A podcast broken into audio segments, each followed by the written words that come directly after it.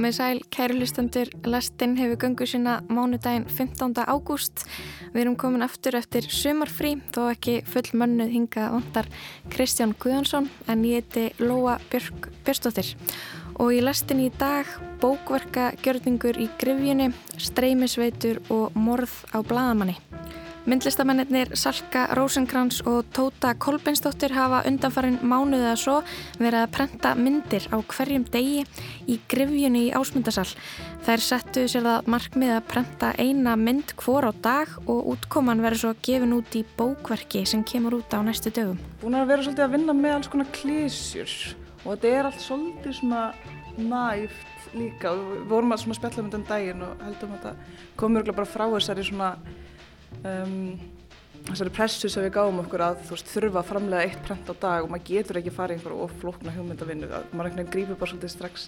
Það fyrsta sem maður, mann er dettur í hug. Bilding á HBO Max veldur því að veitan kemur setna til Íslands og efnisframbóð mingar Þetta kemur fram í grein Arnórs Steins Ívarssonar í kjarnanum. Við ætlum að ræða við hann um streymisveitur og velta fyrir okkur áhrifunum sem samrunni tveggja fyrirtækja gæti haft á sjómvarps þáttaframlegslu. Það er kannski, maður þarf ekki að hafa aðgöngu öllu, en það er svolítið leiðilegt þegar að til þess að hafa aðgöngu af flestu að þá ertu farin að borga upp undir 10-15 skall á móni og það er bara fyrir sjómar. Ásker Ingólfsson fleitur okkur síðan pistilum heimildamindina The Killing of a Journalist, morðið á bladamanni og hann velti fyrir sér hliðstæðu atbyrðana sem myndin fjallar um og ákveðina íslenskra fjölmjölamála.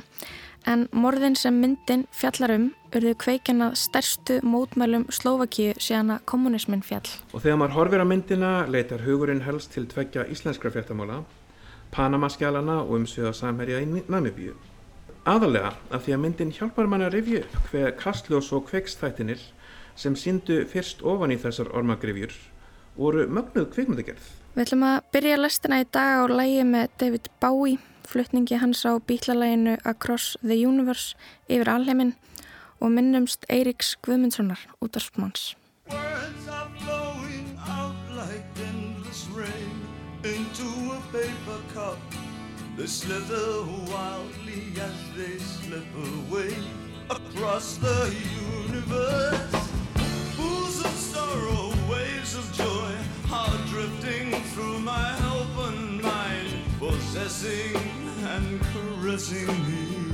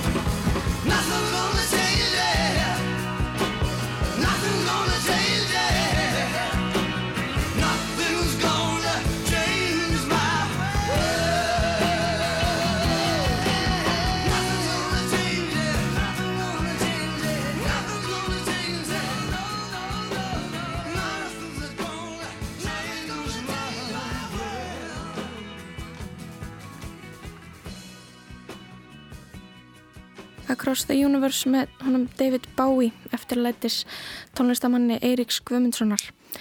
Næst ætlum við að halda út úr húsi, fara neyri bæ og fá okkur bygglur og tala um bókverk við þær Sölku Rósenkrans og Tótu Kolbensdóttur.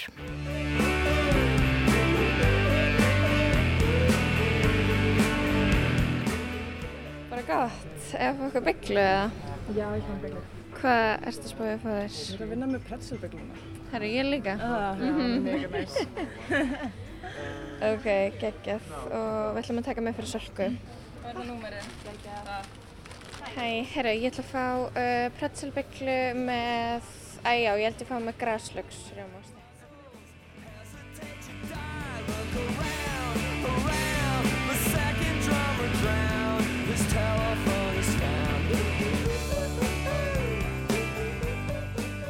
Hvar má ég hafa kaffið mitt? Bara hér? Já. Ok. Nú erum við komna með bygglur, búin að segja ykkur bygglur og komnar hérna í grifjuna. Hérna hjá mér eru Salka og Tóta.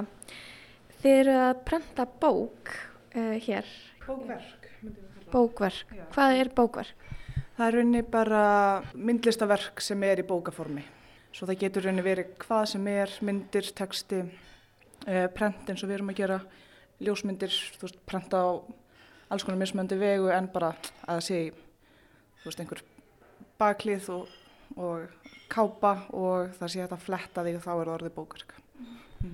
Hvað eru þið svona uh, búin að vera að gera hérna undan farin mánuð?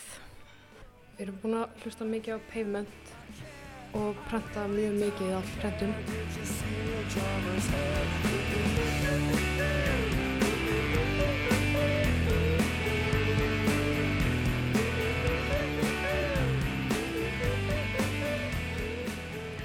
Og við erum að sækja innblástur í uh, gestabók sem er hérna á staðnum þar sem fólk getur uh, ég mist skrifa nafni sitt eða kveðjur eða einhvers konar innblástur, orð, setningar.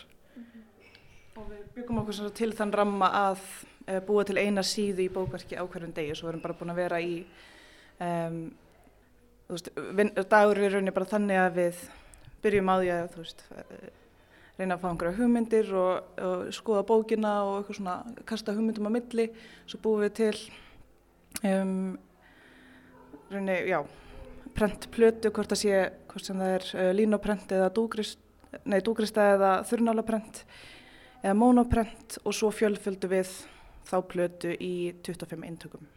Svo það er svona dagurinn. Er þetta kannski líka einhver svona gjörningur eða þú veist, þið eru hérna niðri í grifjunni og fólk getur komið og fylgst með ykkur eða, eða þú veist, er, eru búin að vera margar heimsóknir og fólk að koma að kíkja á ykkur eða hvernig er þetta búið að vera? Mm Það er búið að vera ógslag gaman og þetta er nefnilega mér algjör gjörningu líka að vera bara svona fyrir opnum dyrum og vera með svona stöðut áriti frá bæði rosa góðum vinum og alls konar uh, bara nýju fólki. um. En hvað þarna, Salka, getur þú sagt mér aðeins frá sér gestabók, hvað þarna, er þetta ekki oftast bara einhver nöfn sem standa þarna? Uh, að miklu leiti, já, þá eru, það eru nöfn í þessari gestabók og líka fólk bara að skrifa frá því hvernig því fannst að koma og kíkja, sko.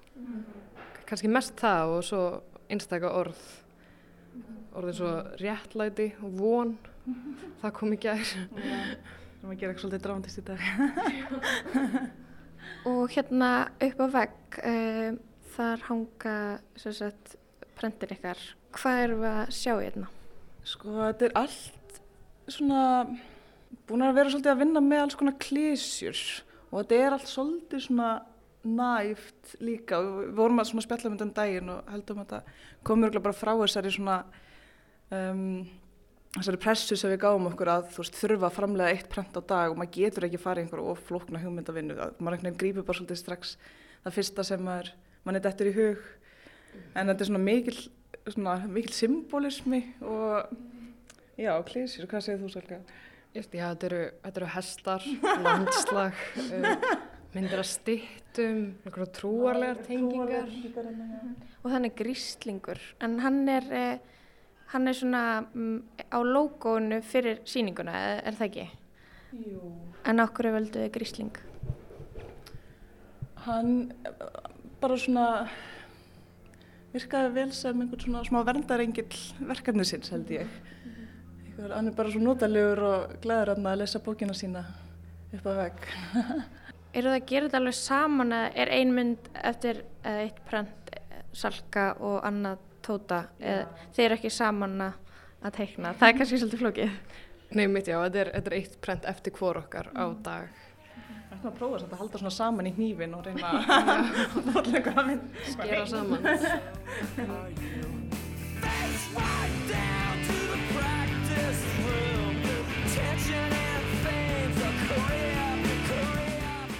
Það er aldrei neinu fleikt, þeir byrja á okkur og þeir, þeir kláru það, þeir hafa ekki tíma til þess að hætta við og byrja upp á nýtt eða hvernig er það? Sko, Salka er aðeins meira ekspressionisti en ég. Svo, og hún, er, hún vinnur, vinnur hraðar og uh, hefur þá stundum tíma til þess að endurhugsa sitt. En ég, ég er svo mikill dútlari sko að ég, ég er bara búin að þurfa að standa við allar, allar hugmyndirna sko. Ok, þannig að tölum að þessum hérna þessar græjur sem þeir eru með. Þetta er henni bara veist, prentarinn okkar, þetta er bara Ok. þú veist, fjölföldunar vélinn og virka bara þannig að þú veist, það er svona þungur valsatna sem er þú veist, stiltur rétt og svo er hann, þrýstir hann myndinni sem við erum búin að setja blek á ofan í blautan pappir þannig að pappirinn tekur á móti bleikinu og býr til myndina og þú veist, gerum það síðan ítrykkað.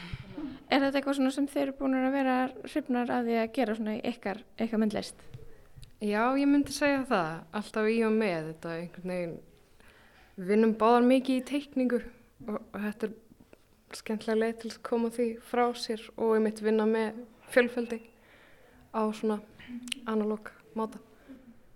Hvað þarna þið voru að tala um að Greta Þorkelsdóttir væri með texta? Já, og Joe Keys líka. Hvernig er uh, textin í bókinni? Heyrði, hann er um, annars vegar einmitt frá Gretu þar sem hún um, er búin að skrifa bara svolítið um heiminn sem við erum búin að skapa með öllum þessum mismandi brentum og er svolítið svona að tengja myndefni saman og, og reynir bara að stækka það rosa mikið upp. Og svolítið svona draumkent og já, rosa fallið texti. Á meðan Joe Keys, uh, myndlistamöður, hann skrifaði meira bara um okkur og okkar samstarf og reynir bara svona Já, þetta vinnuferli og, og þessa pressu sem við erum búin að skapa okkur með því að gera svona stórt verkefni. um, en já, svo þau koma svona frá svolítið tveimur mismandi áttum að þessu. Svo ætlum við að reyna, já, setjum við textan upp í bókina. Hvað er þið svona ánæðasta með af þessum verkum? Er eitthvað sem er í uppáldi? Sko, þetta hérna er uppáhalds mitt frá Sölku. Hvað, á, hvað, hvað er þessari mynd? Um, sko, ég veit það ekki alveg. Þetta er eins og eitthvað svona foss sem er að fara ofin í jörðina, smá, já, eitthvað svona, svona drömkjönd landslag fílingur, en það er svo fallið um rauðum lit og bara svona góð áferð í þessu. Svo er smá hana með hrossafluguna líka. Já, hún er geggjuð, bara ein lítil fluga. uh, etna, hvað eigið þið mikið eftir? Hvað, hvað, er- hvað er svona framöndan hjá okkur? Hver er næstu skref? Uh, Við eigum eftir að vinna sikkvort prentið í það minnsta og svo er það bara að setjast niður og líma saman bækurnar, uh, koma textanum að í þeim, prenta hann, um, ramma inn verkin. Og er síðan eitthvað útgáfuhóf eða? Já, það verður 20. á lögadaginn sem sagt. Menninganótt.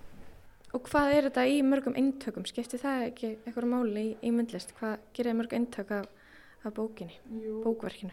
Við erum að gera 25 eintök, sem sagt. Æ- Ætlum að gera 20, nei, ok, fyrst ætlum við að gera 40 og það var náttúrulega bara algjör spull að fjölfalda svona mikið á hverjum degi. Við erum sko búin að gera 700 prent á fjórum vikum. Þetta er, þetta er svo fljótt að, þarna, fljótt að verða mikið. um, en já, ákveðum að gera 25. Heldum að það sé bara ágætt tala. Það er alltaf mjög svona nýs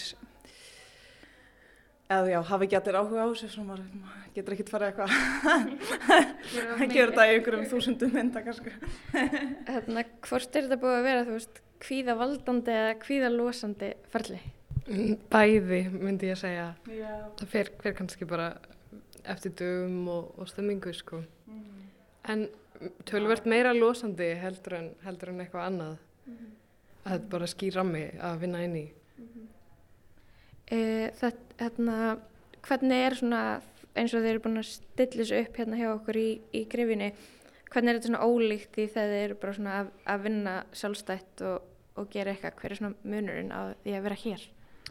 Um, kannski aðalega það bara að vera með svona ótrúlega sérhæft verkstæði og vera með allt svona aðgengilegt að því, þú veist, ég hef ekkert pláss upp í stúdíónu mínu fyrir að vera með eitthvað pressu og þurrkstöð og ei, vera með svona um, mikið af praktísku dóti. Um, en já og svo er náttúrulega kannski líka bara svona pressan að vera alltaf með áhöröndur að vera ekki að gera eitthvað annað þá maður svona heldur maður sér aðeins við efnið. Eða ekki áhöröndur en þú veist gesti og gangandi og geta vera svona vera on the spot svolítið.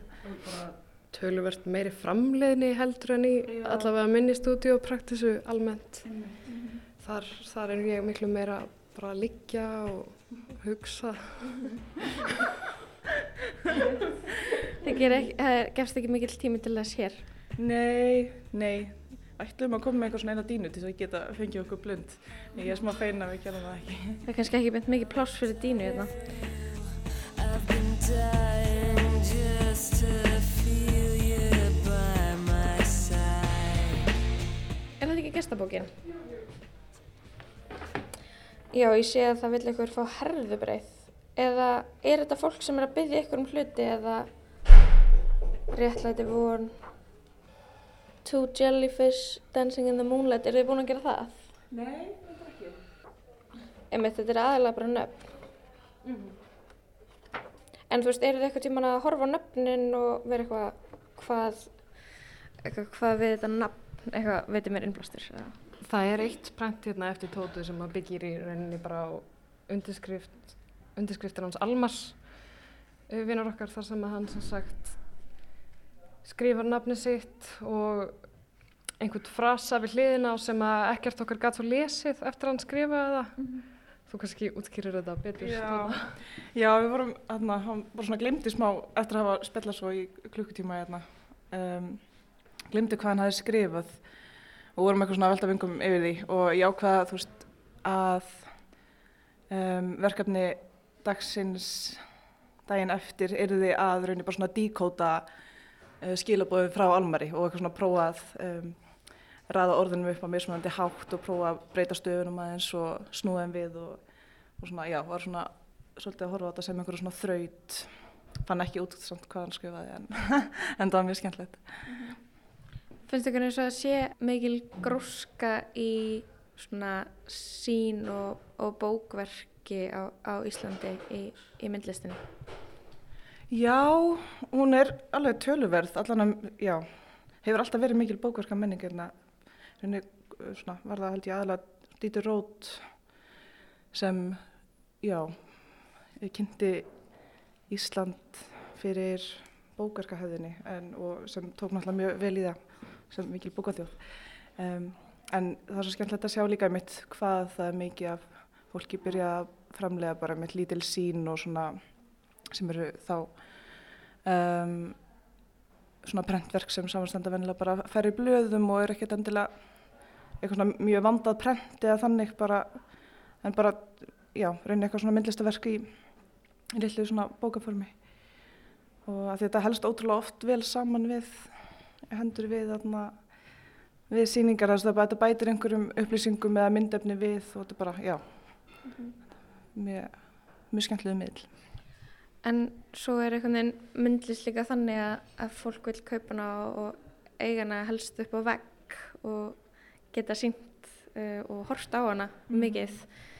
Finnst ykkur eins og að sé, þú veist, uh, já, hvað ég veit kannski ekki alveg hvað er að spyrja en svona, fer þetta ekki smá gegn því að loka listina sína inn í, inn í bók og hvernig getur maður einhvern veginn haft hana þá er hún ekki lengur kannski eitthvað svona skrautmunur eins og hún er kannski í sum tilfellum. Já, við nefnilega pældum svolítið í þessu sko og ákveðum að svindla smá og gera kannski svona 5-6 bókverk sem eru þá, veist, sem eru þá í svona möppuformi og þá er hægt að taka uh, prentin út og einmitt hengið upp á vegg að gera hvað sem maður vill við þau. Um, en það er einmitt svolítið líka skemmtilegt að leika sem með það, þá ætlum við að, veist, að selja það miklu dýrara. Þótt að þetta sé í rauninni nákvæmlega sömu prent og sömu verk, en bara að því að þetta er einhvern veginn bara allt annar hlutur. Já, þetta er eitthvað svona einmitt svona hægt að verðleika öðruvísi. En hvernig, hvernig verðleikum maður svona bókverksalka? Hvað hvað þarna, hvað þetta að kosta? Mm, prenti er líðræðislegur miðl og þetta þarf að vera aðgengilegt. Þannig að við, við ætlum að halda kostnaði á bókverkinu í, í lágmarki. Mér við vinnum allavega. Með að þetta var allavega mánuður sem þetta tók ykkur að gera þetta. Og örgulega lengri tími aðdraðandina þessu. Já, við vorum ekki búin að undirbúa okkur mikið. Við ætlum að leifa svolítið ferlinu bara að ráða því hvernig það er því. En auðvitað, þú veist, margir klukkutímar af einhverju svona bánsi og, um, og bara setja verkstæði upp og ná í alla græjur og svona. Hvað tónlist setið á stað þegar þið byrjaði að vinna? Sko, við erum svolítið búin að vera að vinna með úr Romeo and Juliet. Þannig að Bas Lurman myndinni. Mm Held að við byrjum á því í dag. Takk hérlega fyrir spjallið og gangi ykkur vel að klára. Takk fyrir. Takk.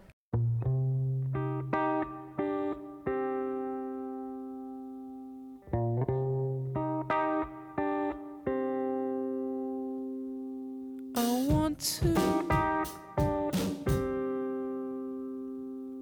I want to be someone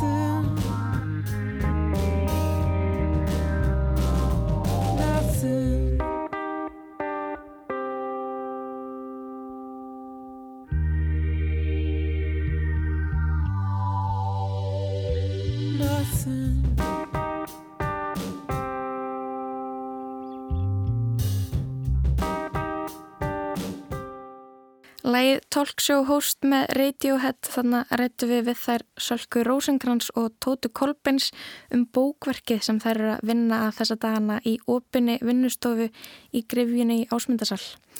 En í hljómahöllinni í Reykjanesbæ í kvöld mun nýsjálfunska tónlistakonan Aldous Harding halda tónleika.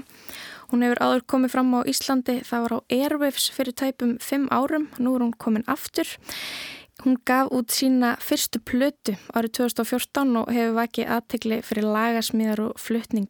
Síðustu þrjár plötur tónlistakonunar hefur hún unni með tónlistamannum John Parris sem vann með stjórnum á borði PJ Harvey og Tracy Chapman og fleiri stjórnum.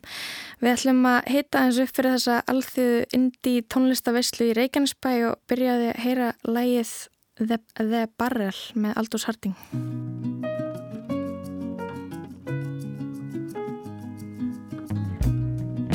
Water's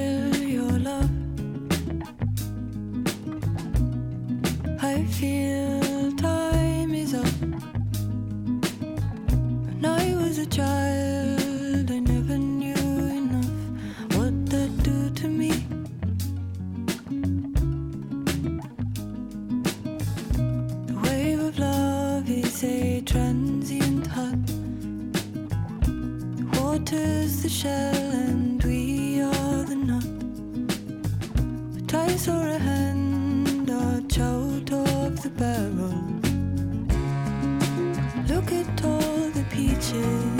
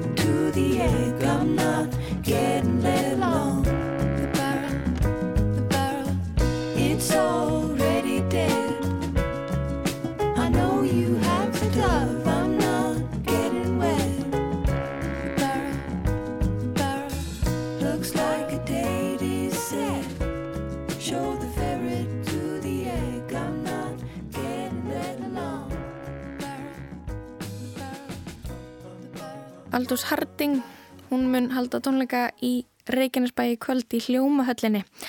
En næst ætlum við að velta fyrir okkur stöðu streymisveita en á dögunum bárust þar fréttir að HBO Max streymisveitan hefði saminast fjölmjölarísunum Discovery. Samrunin er gríða stór og hefur einhverjar afleggingar í förma sér, má ætla, en veitan er með um 80 miljónir áskrifenda. Við ringjum í Arnúr Stein Ívarsson sem setti sig inn í málið og skrifaði fréttum þetta í kjarnanum um helgina. Þú skrifaði á dögunum uh, grein sem byrtist í, í kjarnanum sem að fjallar aðeins um þessar vendingar sem hafa orðið hjá streymisveitinu HBO Max. Getur þú sagt okkur aðeins hvað var að gerast? Það sem er að gerast er sem sagt að HBO Max uh, náttúrulega átti að koma til landsins í ár samkvæmt fréttarflutningi fyrra en eftir þess að móðurfélag HBO Max sem að hétt uh, Warner Media, eða bara í rauninni Warner Bros. saminnaðist þess að uh, Discovery. Og úr var eitthvað svona eitt stærsta held ég hérna fjölmjölu fyrirtæki bandreikina eða bara mjög heimunum sem heitir þess að Warner hérna, Bros. Discovery. Og sá sem er í brunni þar hefur bara ekki áhuga í rauninni á að halda HBO Max í gangi eins og hún var þáttur að hún hefði verið mjög vinsælt og rauninni bara farið mjög hratt upp á svona, eh, já, orðið mjög vinsælt mjög hratt.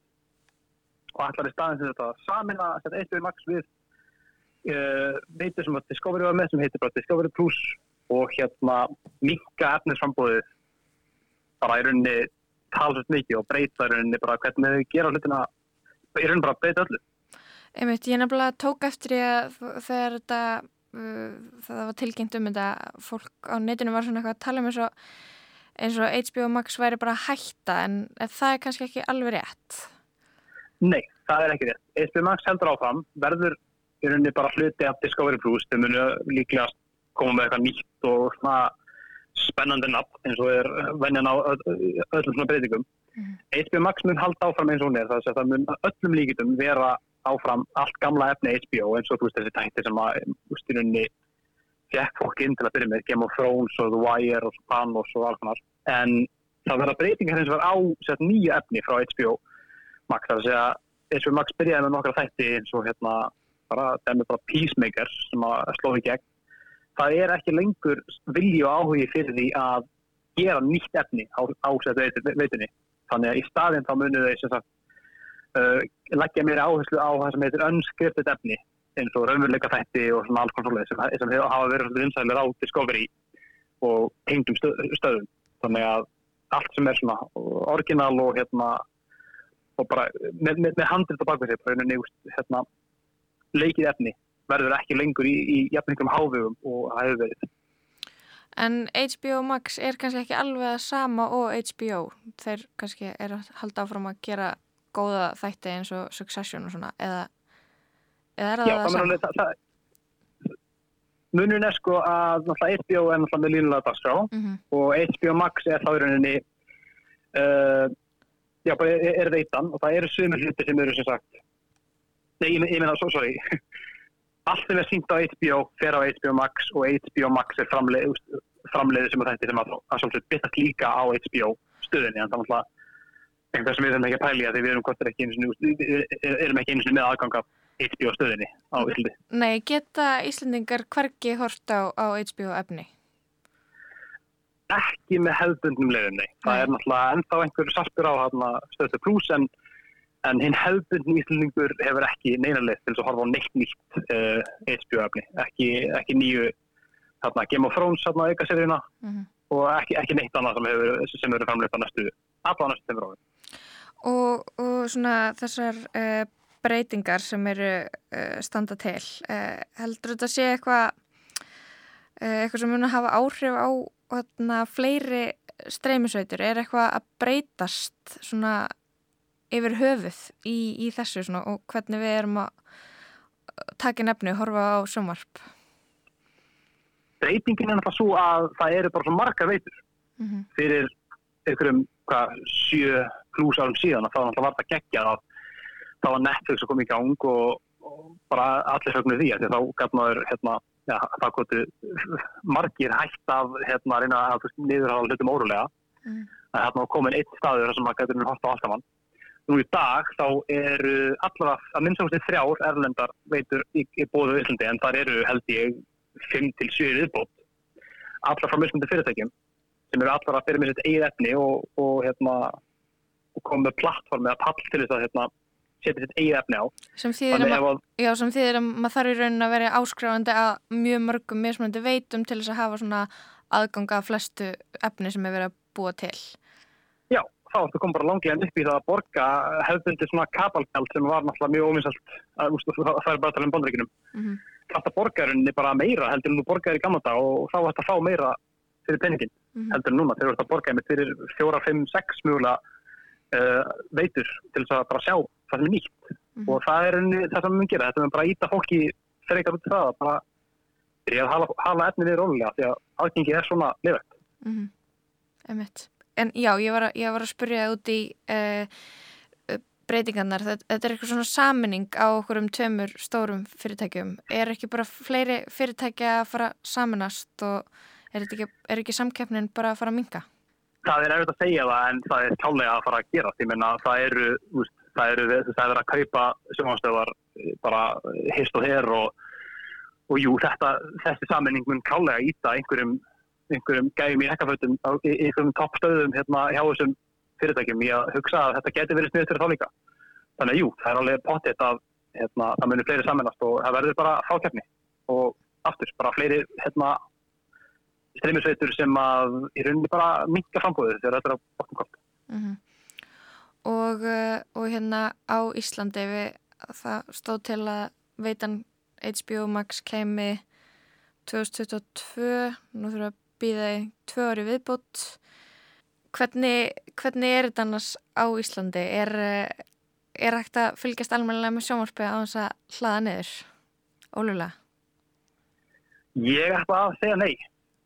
Það er mjög erfitt að fylgjast með, ég meina, jú, já, ert með Netflix, þá eftir með allt sem að Netflix gerir, Disney er náttúrulega með ákveðlega mikið að makt frá Hulu, þannig að þú nær því, en þá er henni bara stopp.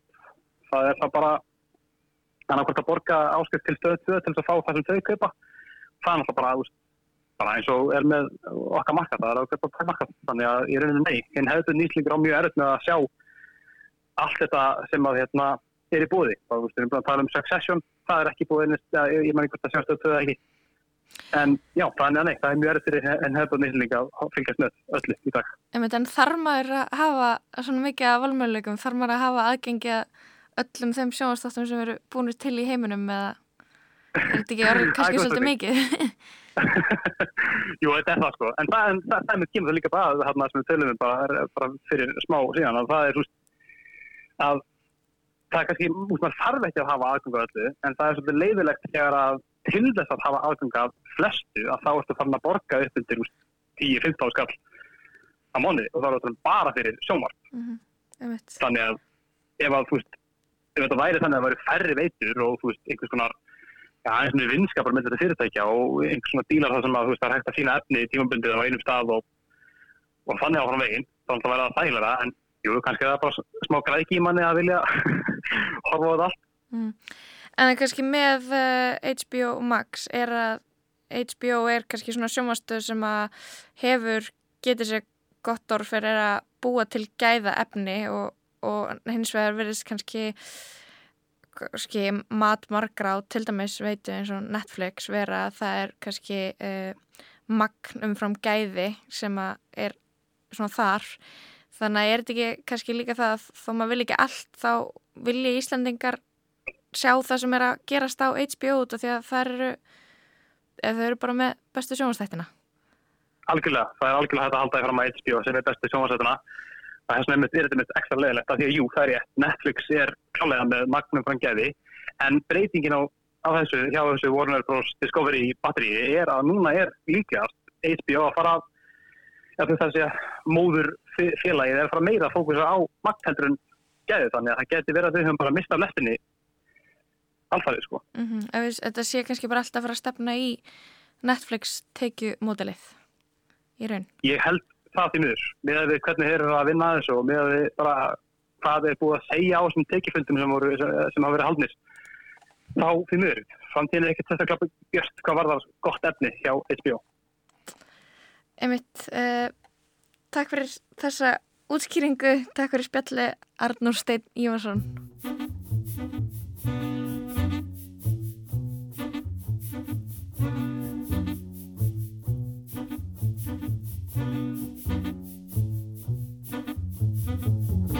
When you walk through the garden, you gotta watch your back.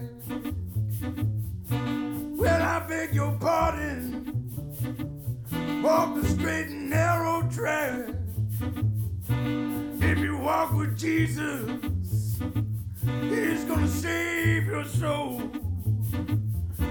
You gotta keep the devil way down in the hole.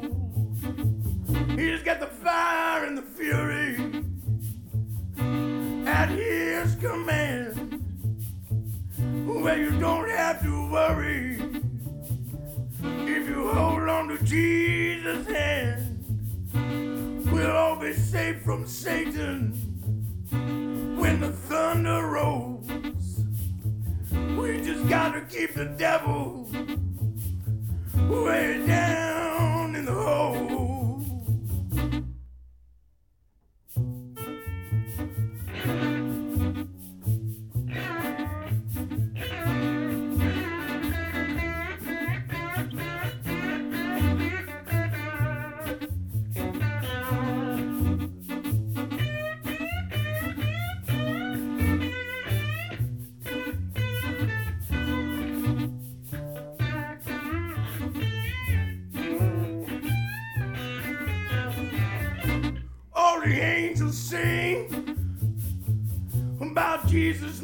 Mighty sword, and they shield you with their wings and keep you close to the Lord.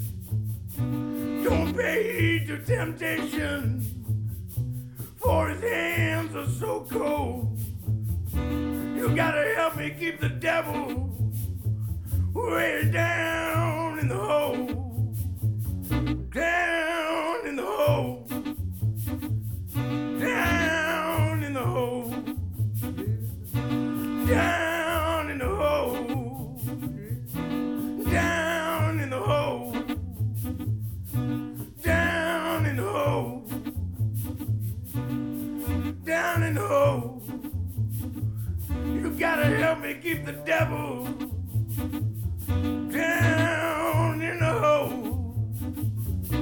Læð Way Down in the Hole, þemalag sjónvastháttana The Wire sem er einmitt einn af þeim gæða þáttum sem hafa komið frá HBO sjónvastöðunni bandarísku.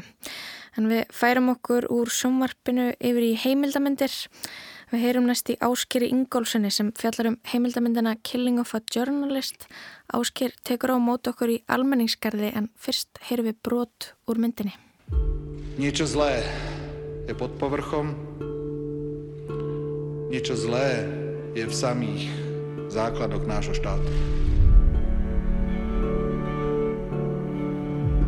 we knew that the country is corrupted. The judges, the police, Supreme Court, Constitutional Court, all these positions were completely in hands of this mafia type of system that these oligarchs created. And the murder of Jan Kuciak and Martina Kushnirova was that breaking point when we realized, okay, now they are ready even to kill. Sent í februarar 2018 fór þau Jan Kusiak og Martina Kusnirova í kjörbúð nált heimili sínu. Þaðan eru síðustu myndina sem náðust af þeim. Það var verið að njóst um þau og þann 21. februar 2018 voru þau myrt í íbúsinni í Velika Matja, smáþorpi ekki langt frá Bratislava, höfuborg Slovakíu. Þau voru bæði 27 ára gömul og voru að skipulegja eigið brúðkaup. Tölva Martínu var frósin í tíma þar sem hún var að skoða brúðarkjóla. máji roku 2018, 5. maja mala byť svadba. To miesto svadby bol pohreb. En Jan Kusiak var rannsónarbladamæður og vann fyrir vefmiðlinn actuality.sk. Það rannsaka hann skattsvík ótal viðskiptamanna sem virtust hafa tengsl við háttsetta slovakíska stjórnmálamenn. Þar á meðal forsætisræðurann Robert Fico og ríkistjón hans. Fremstur í flokki þessara viðskiptamókula var áhættu fjárfæstir að nafni Marian Kostner. Við komum betur á honum á eftir. Slovaki hefur ásýnd freðisals Örupalands og þetta í fyrsta skipti sem bladamæður hefur verið myrtur þar eftir að landið var sjálfstætt. Morðið allir bylgi mótmæla, 60.000 manns komið til dæmis saman og mótmælti í Bratislava sem voru stærstu mótmæli í borginni frá flauirspiltingunni 1989 sem var til þess að Tjekkoslovakia saði skilið við kommunismann. Som hrdý na svojich kolegov novinárov a novinárky, ktorí áno, čas pochopili. Ale ani tí najodvážnejší novinári nie sú sami spasiteľmi demokracie.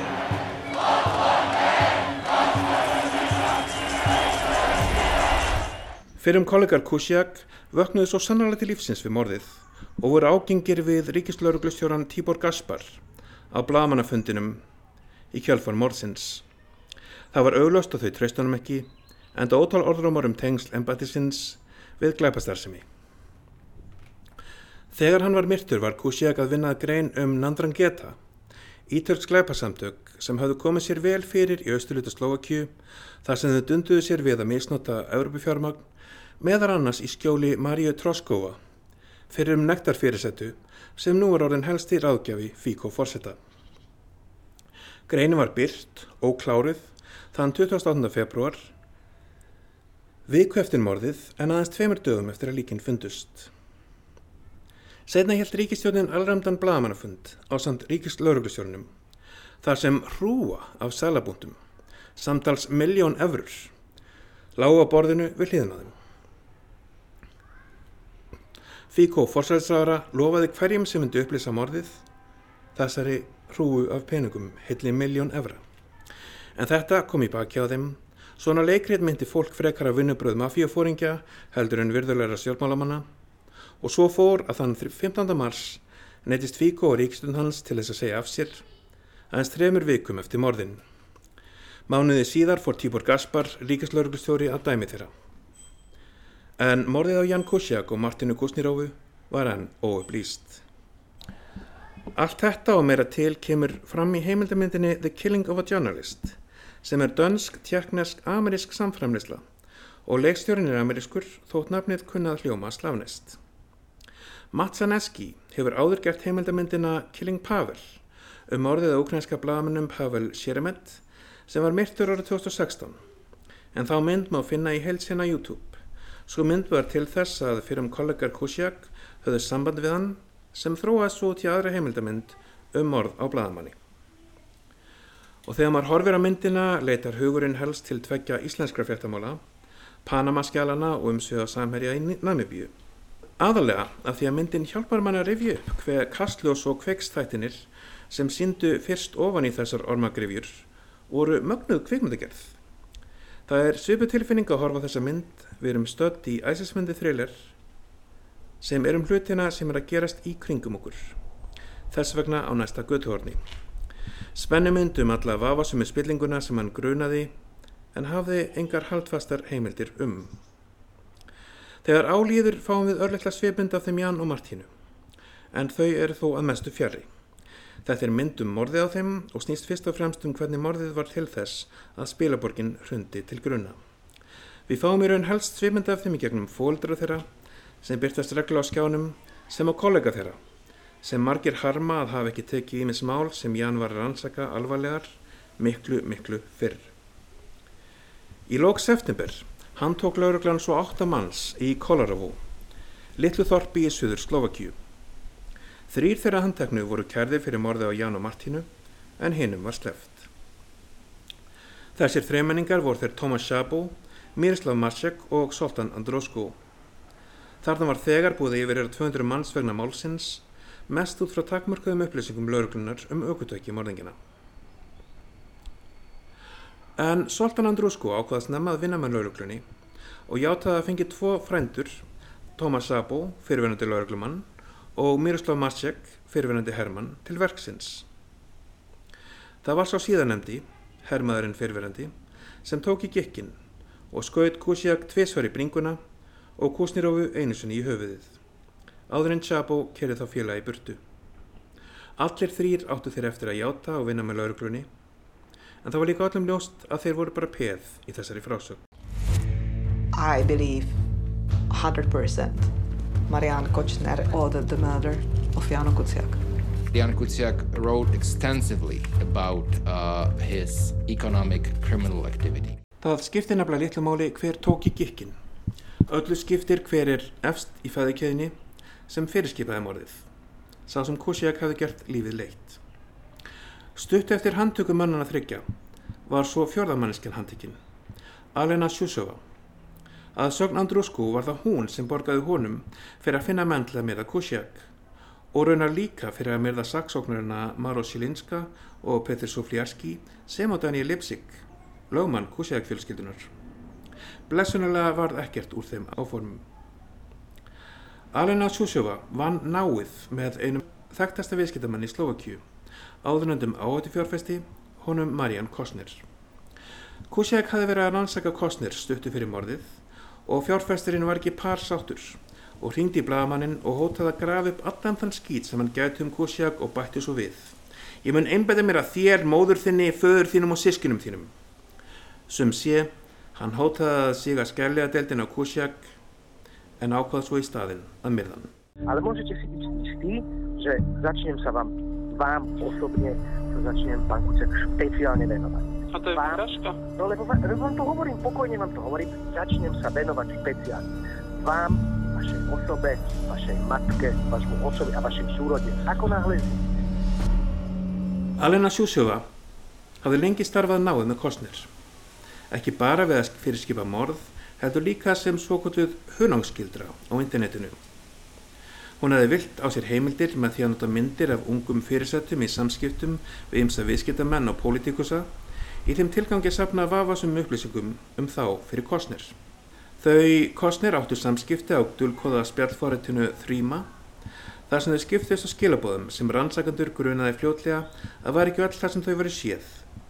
Hér var önnur merkinga bak við flest orðin en það voru samskiptin engan veginn rökri eftir þau verið tekin bóstaflega.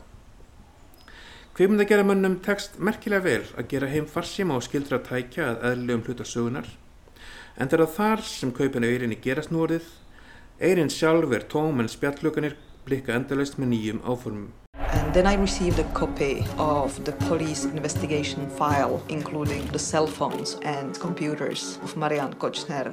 Here are the devices from the shooter, uh, the driver, the middleman. We have SIM cards, tablets, computers. Tens of thousands of messages.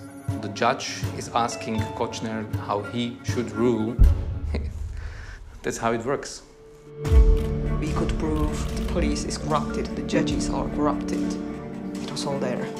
This data could totally shake Slovakia. En það fór svo lókum að þau skötu hjú voru síknuð vegna ónægra sönnunagagna. Hæstirítur hafnaði hins vegar þeim úrskurði og sendið málið aftur til hérðastóms og þar býður það nú endur upptöku. Hæstirítur staðfest hins vegar 25 ára fangilsi yfir þeim Tómas Sjabó og Miroslav Marsek fyrir morðið og 15 ára fangilsi fyrir Soltan Andrúskó fyrir að fyrirskipa það. Bálun er því ekki lokið enn, þó þeimildamindin sé komin í síningar. En þó ljóst að veldi Kostner stendur á bröðfótum, en það eru hann og Súsjóa nú þegar afplónu dóm fyrir aðra glæpi. Súsjóa fyrir þáttöku sína í morða á bæjastur árið 2010 og Kostner fyrir vítakt skjálafalls. Ég sá myndin á öðrupafrumsningu hennar á kvimundáttíðin á Karlói Vari í Tjekklandi, þar sem leiksfjörinn Sanecki fylgdi myndin úr hlaði með orðunum Venjulega myndi ég segja njótið myndarinnar, en í þetta skiptið get ég það ekki. Fóröldur þeirra Jan Kusiak og Martinu Kosnirovu mættu einnig upp á svið fyrir síningu og það er alveg ljóst að þetta mál er persónlegt hérna í gömlu Tjekkoslovakíu og klappið eftir mynd það lengsta og hávarasta sem ég hef upplifað þau tíu ár sem ég hef heimsótt hátíðina. Áskir Ingólfsson fjallaði um heimildamyndina The Killing of a Journalist. En lestinn verður ekki lengri í dag, við verum hérna aftur á morgun.